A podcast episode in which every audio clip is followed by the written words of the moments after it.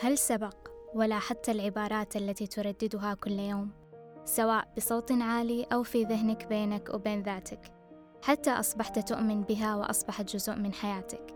كالحب أعمى الناجح هو فقط شخص محظوظ الوقت ما فيه بركة أو هل تؤمن بأن الطيب في هذا الزمن ما يعيش؟ وهل تؤمنين بأن كل الرجال خاينين؟ يا ترى ما هي المعتقدات التي ورثتها عن عائلتك ومجتمعك؟ دون التوقف للحظة والسؤال عن مدى صحتها هل تم تلقينك في صغرك بأن لا تثق في الغرباء فأصبحت لديك مخاوف من الآخرين أو أزمة ثقة؟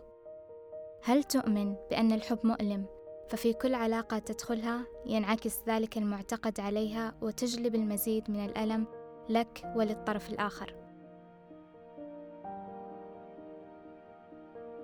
معظم معتقداتنا بنيت بشكل لا واعي نتيجة تجارب الماضي سواء تجاربنا نحن أو الأشخاص من حولنا كالوالدين مثلا.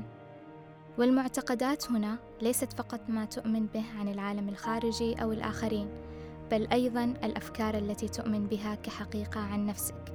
مثل أنا كسول أنا خجول لا يمكنني التعلم سريعا. أو أنا غير جذاب غير جميلة كفاية. أنا وحيد أو لا يوجد من يقدر عملي. هذه المعتقدات السلبية عن ذواتنا تجعلنا نكون ذات منفصلة عن نفسها وعن العالم من حولها مما ينتج عنه خوف اكتئاب وضغط نفسي. باختصار هذه المعتقدات هي الحاجز بينك وبين ذاتك الحقيقية وبينك وبين العالم من حولك. If you can really accept the fact that every time you think a thought and every time you speak a word, you are literally painting your future, uh, making your dinner, uh, whatever you want to call it. You are creating. معتقداتنا هي ما تشكل تجاربنا في الحياة فالأفكار تؤثر على مشاعرنا ومشاعرنا ستؤثر على قراراتنا قراراتنا ستشكل حياتنا فما تركز عليه يزداد كلما آمنت بهذه المعتقدات السلبية سواء عن نفسك أو عن الآخرين ستأتيك المزيد من التجارب التي تدعم هذا المعتقد.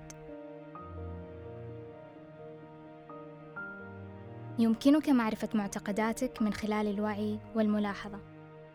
ملاحظة العبارات التي تخرج منك أو مراقبة أفكارك خاصة عندما تمر بموقف يزعجك ويجعلك تشعر بالضيق أو الغضب أو أيا كان من المشاعر السلبية. اسأل نفسك ما الفكرة وراء هذا الشعور؟ لماذا أشعر هكذا بسبب هذا الموقف؟ أيضا فكر ما هو أكثر جانب في حياتك تشعر بالضيق بسببه هل هو المال، الصحة والجسد، العلاقات أم الجانب العملي؟ ثم اسأل نفسك ما هي الأفكار التي تؤمن بها أو العبارات التي ترددها عن هذا الجانب؟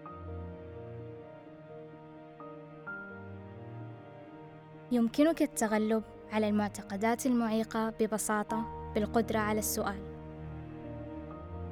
اسأل: هل فعلاً ما تفكر به صحيح؟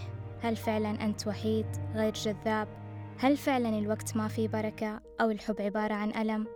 فمجرد السؤال وعدم اتباع أفكارنا بطريقة آلية سيفتح علينا أبواب من السلام الداخلي. ابحث عن ما يشكك هذا المعتقد داخلك إما من خلال مواقف حصلت حولك أو من خلال تجاربك الشخصية كصديق وقف بجانبك في أكثر لياليك ظلمة أو كتعليق من أحدهم على جاذبيتك أو إنجازك لمهام عديدة خلال يومك وما زال هناك متسع من الوقت When we believe our thoughts, we suffer. And when we question our thoughts, we don't suffer. أحيانا كل ما يتطلبه الأمر لتغيير حياتنا هو لحظة لحظة توقف وسؤال. لذلك للحظة توقف واسأل نفسك هل ما تؤمن به يخدمك أم يجلب لك المزيد من المعاناة؟ ولا تنسى بأن الله لا يغير ما بقوم حتى يغيروا ما بأنفسهم. وأول خطوة في طريق التغيير هي أن تعي.